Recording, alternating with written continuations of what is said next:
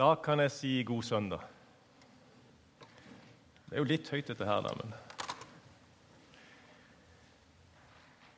Vi eh, skal snakke om håp i dag. Kan dere se meg bak denne pulten her? Ble jeg litt høyt? Nei? Ok. Det kan jo hende det at eh, noen av dere har eh, booka ei reise for 2016, eller tenkt å booke ei reise. En sydentur, kanskje. Det er jo sånn for oss da at da eh, har vi noe å se frem til. Vi gleder oss. Vi eh, kjenner at det der eh, er godt hver eneste dag. Liksom varmer oss på det der at snart skal vi gjøre noe gøy osv. Så, videre. så hvis det blir sånn at vi ikke kan reise av en eller annen grunn, så blir vi litt lei oss.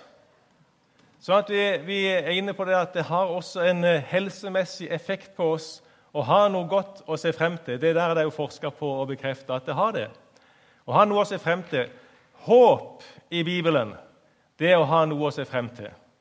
Og Da snakker vi ikke om håp sånn som i daglig tale, at liksom kanskje det skjer eller et eller annet. Håp i Bibelen, det er helt fast. Vårt håp, det er Jesus Kristus. Gud er vårt håp. Håp i Bibelen, det er et substantiv. Liksom, Det fins der. Og så ser vi det at alle mennesker har ikke et sånt håp for livet, eller for det som kommer etterpå livet her på jord. Jeg kjenner noen sånne som ikke har et sånt håp. Og du kjenner noen som ikke har et sånt håp, og det er vondt. Og hva kan vi gjøre? Vi kan iallfall være gode mot dem og be for dem og på et eller annet vis prøve å gi dem evangeliet. For det er gjennom evangeliet at vi får håp. Apostelen Paulus han beskriver den hedenske verden som en verden uten håp. Han skriver sånn i Efeserbrevet at 'husk at dere', sier han, til menigheten i Efesus, en by i dagens kirke, så sier han 'husk at dere' den gang var uten Kristus, uten håp og uten Gud i verden. Og eh, På gravsteiner i den antikke verden så, så leser en ofte sånne håpløse ting. Ikke å være født er den beste skjebne, borte er jeg, farvel, håp og lykke, og alle sånne ting. Så det er veldig dystert. Og Sånn har det altså vært for eh, de som Paulus skriver til i menigheten der. Det var en tid da de levde uten håp. De var uten Kristus, og de var uten Gud. Og Sånn har det kanskje vært for noen av oss også, at vi levde en tid tidligere uten håp. Men nå, skriver Paulus, i Kristus er dere som var langt borte, kommet nær pga. Kristi blod. Altså, nå har vi håp. Og det er Kristus som er vårt håp. Håp er et av de store ordene i Bibelen. Det er noen sånne store ord i Bibelen som liksom omtales oftere. Håp er et sånt stort ord. Vi kan godt få opp eh, teksten. 1. Peters brev. Det er et sånt nøkkelord når det gjelder eh, håp. Og Der står det sånn Lovet være Gud, vår Herre Jesu Kristi Far, han som i sin rike miskunn har født oss på ny til et levende håp ved Jesu Kristi oppstandelse fra de døde, til en arv som aldri forgår, aldri skitnes til og aldri visner.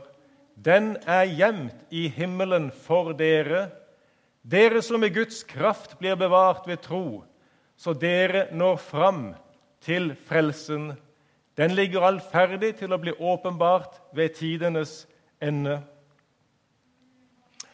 Legg merke til at eh, Peter begynner med en lovprisning. Lovet være Gud. Og hvorfor? Jo, fordi han har gjenfødt oss til et levende håp. Og det der er jo noe som vi alltid skal Altså, Vi har jo alltid noe å takke Gud for. Å liksom stå opp til en ny dag og kjenne det at Lovet være Gud. Og gi han en lovprisning, en takk. Han er verd det fordi han har gjenfødt oss til et, loven, til et levende håp.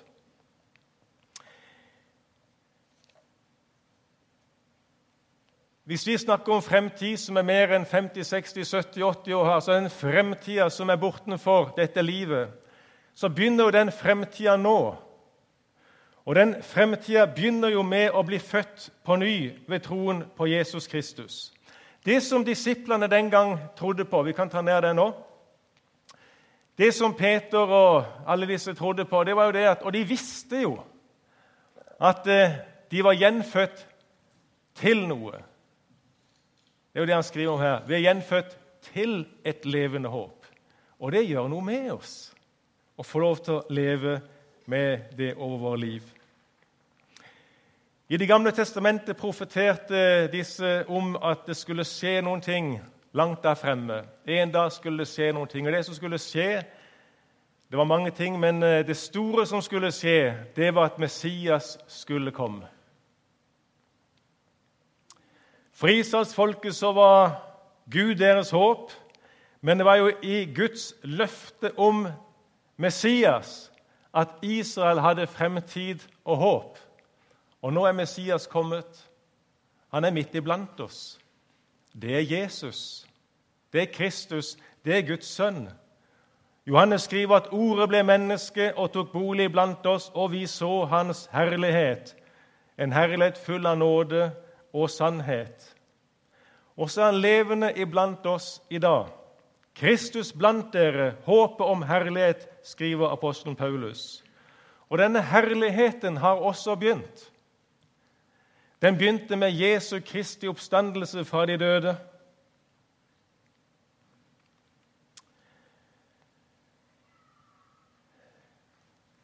Bibelen kaller Jesus for den siste Adam, og fra han utgår det en helt ny menneskehet. Og det har begynt. Det begynte med Jesus Kristus som den første som oppstår til herlighet. Og det betyr altså den kropp og den tilstand og det liv som vi får i oppstandelsen i himmelen. Det har allerede begynt. Dramaet er i gang. Jesus er den første som oppsto til dette. Han fikk herlighet, og han eh, for opp til sin far. Og så følger alle da etter hvert. Når de døde står opp, så skjer dette helt og fullt. Men det er i gang. Men vi har vår borgerrett i himmelen, skriver apostelen Paulus. Og derfra venter vi Frelseren, Herren Jesus Kristus. Han skal forvandle vår skrøpelige kropp og gjøre den lik den kroppen han selv har i herligheten. For han har makt til å underlegge seg alt. Så det er fremtidsutsikter. Gjenfødt til et levende håp og dette her, det er i gang. Gjenfødt til en arv som aldri forgår, aldri sitnes til, aldri visner, gjemt i himmelen for dere som i Guds kraft blir bevart ved tro, så den når frem til frelsen. Den ligger alt ferdig til å bli åpenbart ved tidenes ende. Det er jo helt umulig for oss mennesker å skulle beskrive den arven, og hva egentlig den består i. Men eh, det å stå opp om morgenen og gå ut i verden og vite det at jeg lever mitt liv som arving Altså, Den som har troen på Kristus, lever hver dag som arvinger. Hvis vi f.eks. hadde en far som var styrtrik Da tenker jeg sånn noen milliarder på bok. Va? Litt sånn. Sånn rik. Så levde de hver dag som arvinger. Og Det er klart at eh, det vil jo drysse litt på oss nå også, selv om vi skulle arve det der fremme. Kunne sikkert eh, kjøpt en bil eller kjøpt ei hytte og en fin leilighet og litt sånne ting. Det drysser litt på oss. Men det ville gjort noen ting med oss. Nå hadde ikke en sånn far. Han hadde ikke så mye penger. Men, men vi lever som arvinger. Vi er Guds arvinger. Det drysser litt på oss mens vi lever også. Bibelen sier at Den hellige ånd er pantet på vår arv. Og vi kan kjenne dette her. liksom. Vi har fremtid og håp i troen på Kristus. Vi er arvinger, Guds arvinger. Vi kan ikke begripe hva den arven er, for det er så veldig stort. Men litt grann står det her. Det står at uh, den kan aldri forgå. Altså, Den kan ikke ødelegges. Det er ikke sånn som oljefondet, så plutselig så er det 100 milliarder borte, og så forandrer den verdien seg hele tida. Den kan ikke forgå. Den kan ikke minske. Den er gjemt i himmelen for dere som blir bevart ved tro, sier Bibelen. Og den kan ikke skitnes til. Vi kan, jo, vi kan jo det. Vi kan jo skitne til livene våre med synd og sånne ting. Og så er jo livet sånn da for oss. Så ber vi om tilgivelse, og så står det at Jesu blod som renser fra all synd, renser oss. Og Så går vi videre, og så er det en del av vår prosess gjennom livet. Men det der, den prosessen, sier Bibelen her, den påvirker aldri den arven vi har i himmelen. For den er gjemt i himmelen for oss. Den kan ikke påvirkes av denne prosessen vår. Og den kan heller aldri visne. altså Den blir ikke til ingenting, den dør ikke osv. Kan ikke avta. Kan si at arven er i kvalitet sånn som han som har skapt den arven, og det er Gud. Så arven er som Gud. Og dypest sett, hvis du skulle samle dette og gjøre det begripelig for oss sjøl, så kan vi si at arven dypest sett, den er Gud. Vi er Guds arvinger.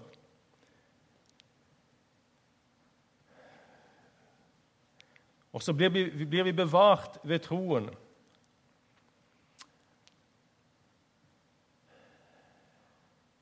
Frem til frelsen som ligger ferdig. Du, det er jo litt snålt. Vi, vi lever her, og så har du ved troen en plass reservert langt der fremme. Så at når du ankommer der, bortenfor død og grav, så er det reservert plass og alt det som følger med. Og Hver dag så lever vi liksom med denne reservasjonslappen på innerlomma. Og vi kan leve, vi vet at det er reservert en plass der for oss. Det står i Bibelen. Dere som blir bevart ved tro og når frelsen. Så vi arver frelsen, vi arver det evige liv, vi arver velsignelse Guds rike. Vi arver egentlig alle ting. Gud sier på det siste bladet i Bibelen.: Se, jeg gjør alle ting nye. Og når vi arver Gud, da arver vi alle ting. Så det er vår fremtid.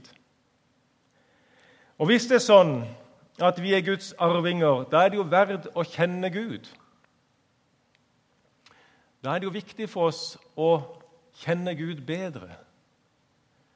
Så vi får innsikt i dette, så vi kan leve i den gleden det er å kjenne liksom dette her. va? Det er jo sånn at Vi eh, leser Bibelen, vi, eh, vi vet en del, det er mye vi tror på.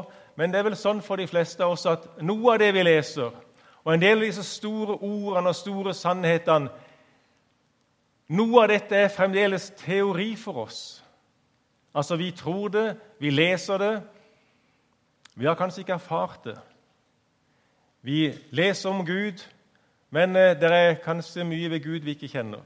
Det er mye ved Gud. Kanskje, vi, kanskje, kanskje vi aldri egentlig har kjent Guds nærvær, kjent hva det gjør i våre liv. Altså Det er forskjell å lese om en far eller lese om en mor, og det å sitte i armkroken og kjenne pusten og kjenne varmen og kjenne hjerteslaget og bare kjenne seg elska tvers igjennom og kjenne liksom hva det fins her. va? Det er det Bibelen snakker om her. Og Paulus han, eh, han sier noe om dette i Efeserbrevet, og vi skal få opp den teksten på tavla her. Og Da sier han sånn Jeg ber om at vår Herre Jesu Kristi Gud, Herlighetens Far, må la dere få en ånd som gir visdom og åpenbaring, så dere lærer Gud å kjenne. Må Han gi dere lys til hjertets øyne, så dere får innsikt i det håp Han har kalt dere til, hvor rik og herlig Hans arv er for de hellige, og hvor overveldende Hans kraft er hos oss som tror. Og Hvis du går til Efeserbrevet kapittel 1, så ser du at eh, apostelen Paulus begynner med en lovsang. Og Alle de versene før vers 17 her, det er egentlig en, en lang tilbedelse. Paulus han tilber, opptakker og priser Gud. Fordi at han har velsigna oss med all åndens velsignelse i himmelen, akkurat som Peter gjorde. Når han begynte lovet være Gud, som har gjenfødt oss til et levende håp. Og Paulus lovpriser Gud fordi at vi er velsignet med all åndens velsignelse i himmelen. Og så går han videre. Les de der første versene i Efeserbrevet. Det er vidunderlige vers som forteller mye om hva vi har i Kristus. Men så går han videre til forbønn. Først tilbedelse over det vi har, og så går han til forbønn. Han ber for oss, han ber for menigheten. Han ber om at vi må kjenne Gud. At vi må lære Gud å kjenne. At vi må forstå og få innsikt i at vårt hjertes øye må bli opplyst, altså hele vårt indre menneske. Vi kan ta den ned nå. Det ber han om. At vi skal bevege oss fra det å, kjenne Gud teoretisk og, og, mye av det vi leser, til å erfare personlig. Det snakker han om. Smak og kjenn at Herren er god, sier en av salmistene i Gamle testamentet. Dette med å, å få eh, få lys til hjertets øye, eller få, få se og få, få del i, liksom, få gripe noe av dette. Nå er vi inne på det som Merete snakka om med bønn. Nå er Paulus inne i denne forbønnen og hva som skjer, og hva som kan utløses. Jeg kunne tatt et eksempel som var mye ferskere, men jeg skal ta et, et eksempel fra mitt eget liv. Sånn som det kan skje. Det er nesten 30 år siden, men jeg tar det for at det var så grensesprengende eh, for all tid.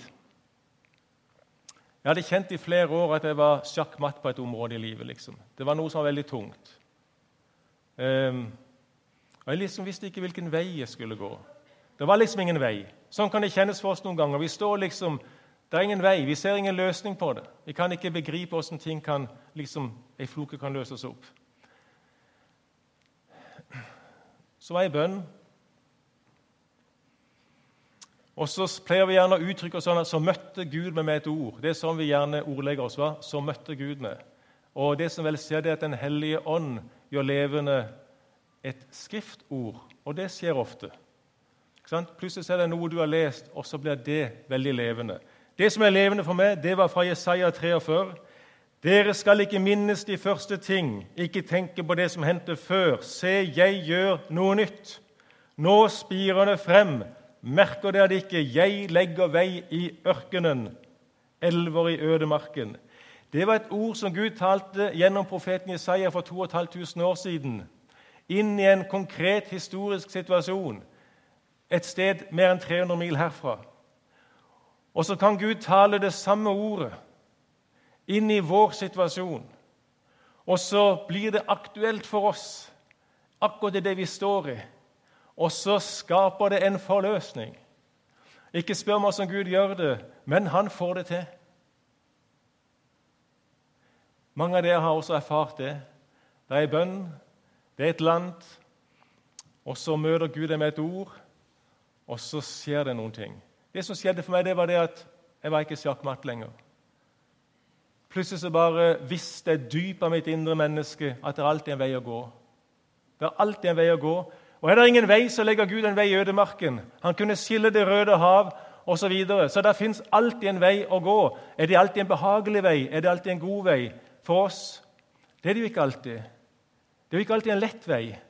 Men det som blir sånn helt sikkert og visst, og som jeg bare vet med hele seg, det er at den veien går jeg med Jesus. Han er der. Som David sier i Salme 23.: Herren er min hyrde, sier han, om jeg enn skulle vandre i dødsskyggens dal, frykter ikke for noe vondt, for du er med meg. Din kjepp og din stav trøster meg. Og akkurat da snakker han i bildet av sau og hyrde. Men det er alltid en vei. Og eh, Da ble det sånn for meg at det visste jeg jo fra før, at det er jo alltid en vei med Gud. Men fra å være noe som jeg visste, så var det noe som bar meg. Og det er en stor forskjell. Noe som løfta og bar med, og så har de gjort det siden. For det er alltid en vei. Den er ikke alltid lett, den er ikke alltid behagelig, men den fins der. Og så er det ulike situasjoner vi står i. For noen kan det være sånn at jeg lengter etter å kunne tilbe Gud mer av hele mitt hjerte. Sånn at når jeg var student i studietida, og det gjorde da, da inviterte jeg noen studenter som jeg visste de der hadde liksom bånn gass på det med tilbedelse. og de, liksom, Det der funka i deres liv. og Så inviterte jeg de med hjem og så er de å be for meg, så jeg kan også komme i denne her, for det har jeg lyst til å ha del i. Altså, sånn, Da er vi inne i dette med forbønn for hverandre. Det kan være alle ting. Det trenger ikke være vanskelige ting, men det kan være det også.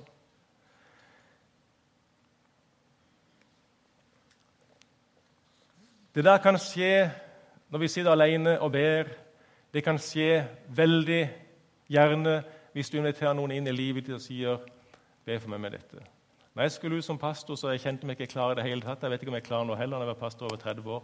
Men eh, sånn er det. Det er ikke alltid vi kjenner oss klar for oppgaven.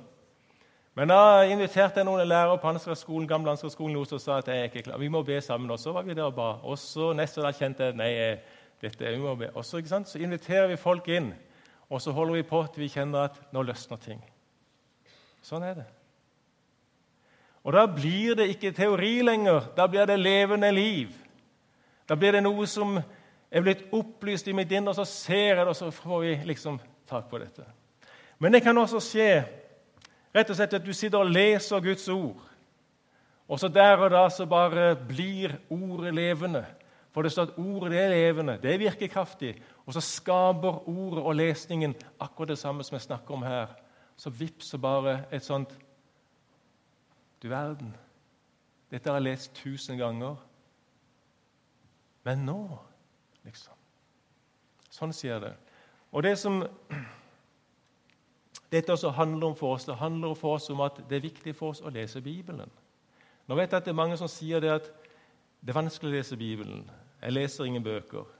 Jeg har ikke lest en bok på mange år. Og det er klart at For noen er det lettere enn andre. Men det som skjer når vi leser Guds ord, det er det at når du sitter der og leser, så skjer dette gjerne der og da. Eller så skjer det fordi at eh, vi har lest så mye Guds ord at for å si det på en sånn måte, så får Den hellige ånd noe å arbeide med i våre liv, for dette er mye lest Guds ord der. Og så henter Den hellige ånd frem et ord og så gjør det levende i alle de ulike situasjoner vi står i. Og så handler det om at vårt hjerte får opplyste øyne, og vi begynner å se, forstå hvilket håp Han har kalt oss til, og rik og herlig arven er for de hellige. Også dette her som vi snakker om.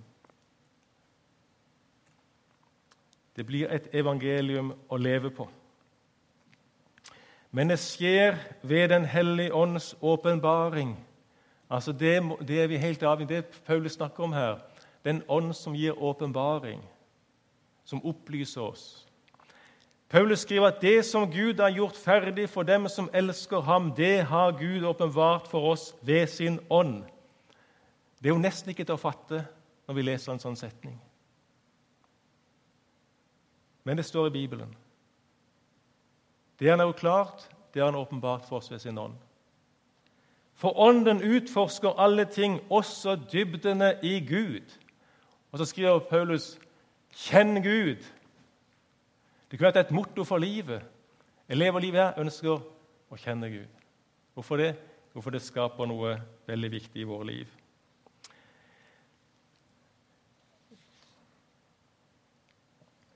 Jesus sa i Johannes evangeliet, litt sånn fritt oversatt, så sa han at Ånden skal ta dere i hånden Ja, det rimer jo.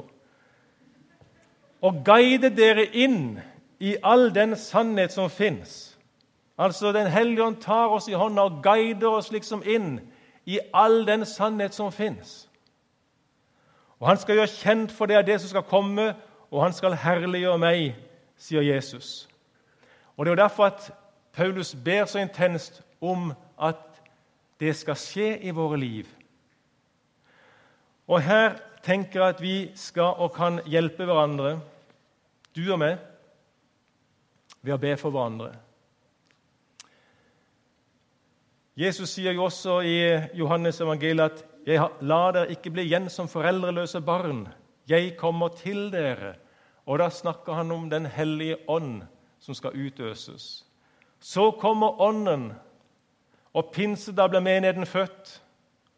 Og begge deler er Guds verk. Det er Guds idé. Den hellige ånd, menigheten. Og så sier Jesus han, Når han forlater oss på Kristi himmelfartsdag og drar opp og utøser Den hellige ånd Det han egentlig sier, er at nå overlater jeg dere til Den hellige ånd og til hverandre. Det er alt vi har. Den hellige ånd og hverandre. Men det er alt vi behøver, og det er ikke lite, for det er alt vi trenger. For da har vi Kristus iblant oss. Her er Guds kraft, her er Guds rike, her er oppstandelse og liv, her er håp, her er verdens håp, her er ditt og mitt håp. Her er alt. Og vi er Kristi kropp, hverandres lemmer. Og vi skal få øynene opp for den ressurs som det er å være i en menighet der vi har Den hellige ånd. Da har vi alt. Kristus blant oss og alt sammen. Og så har vi hverandre, hverandres lemmer. Så vi har alle de ressurser vi behøver.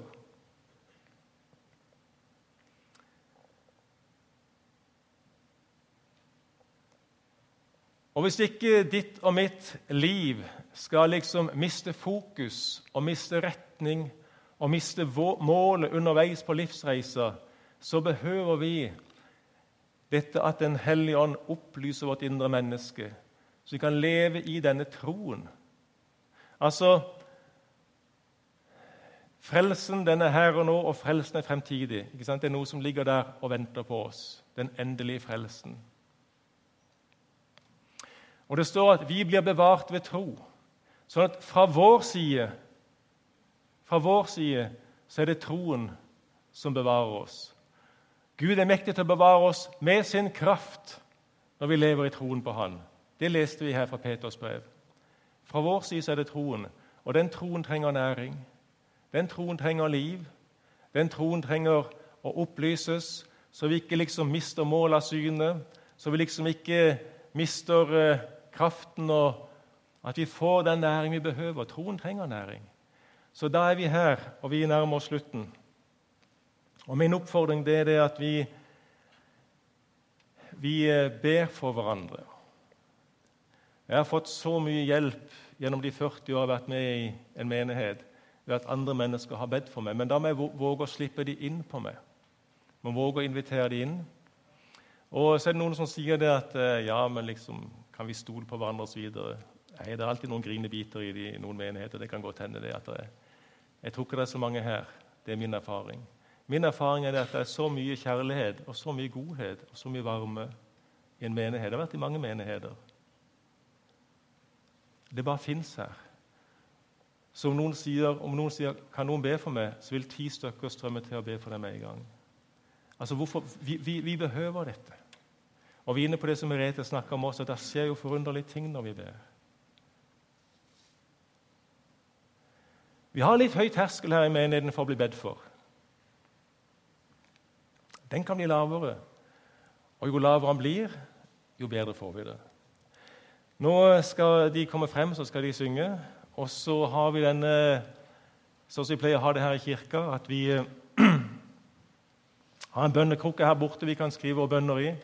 Vi kan komme frem her for forbønn. Det er folk i bønnerommet i dag som ber for det.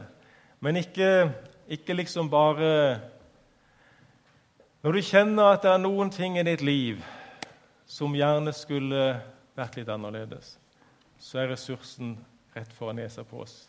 Vi har hverandre.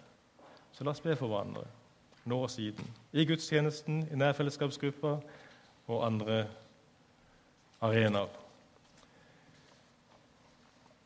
Da synger lovsangene våre.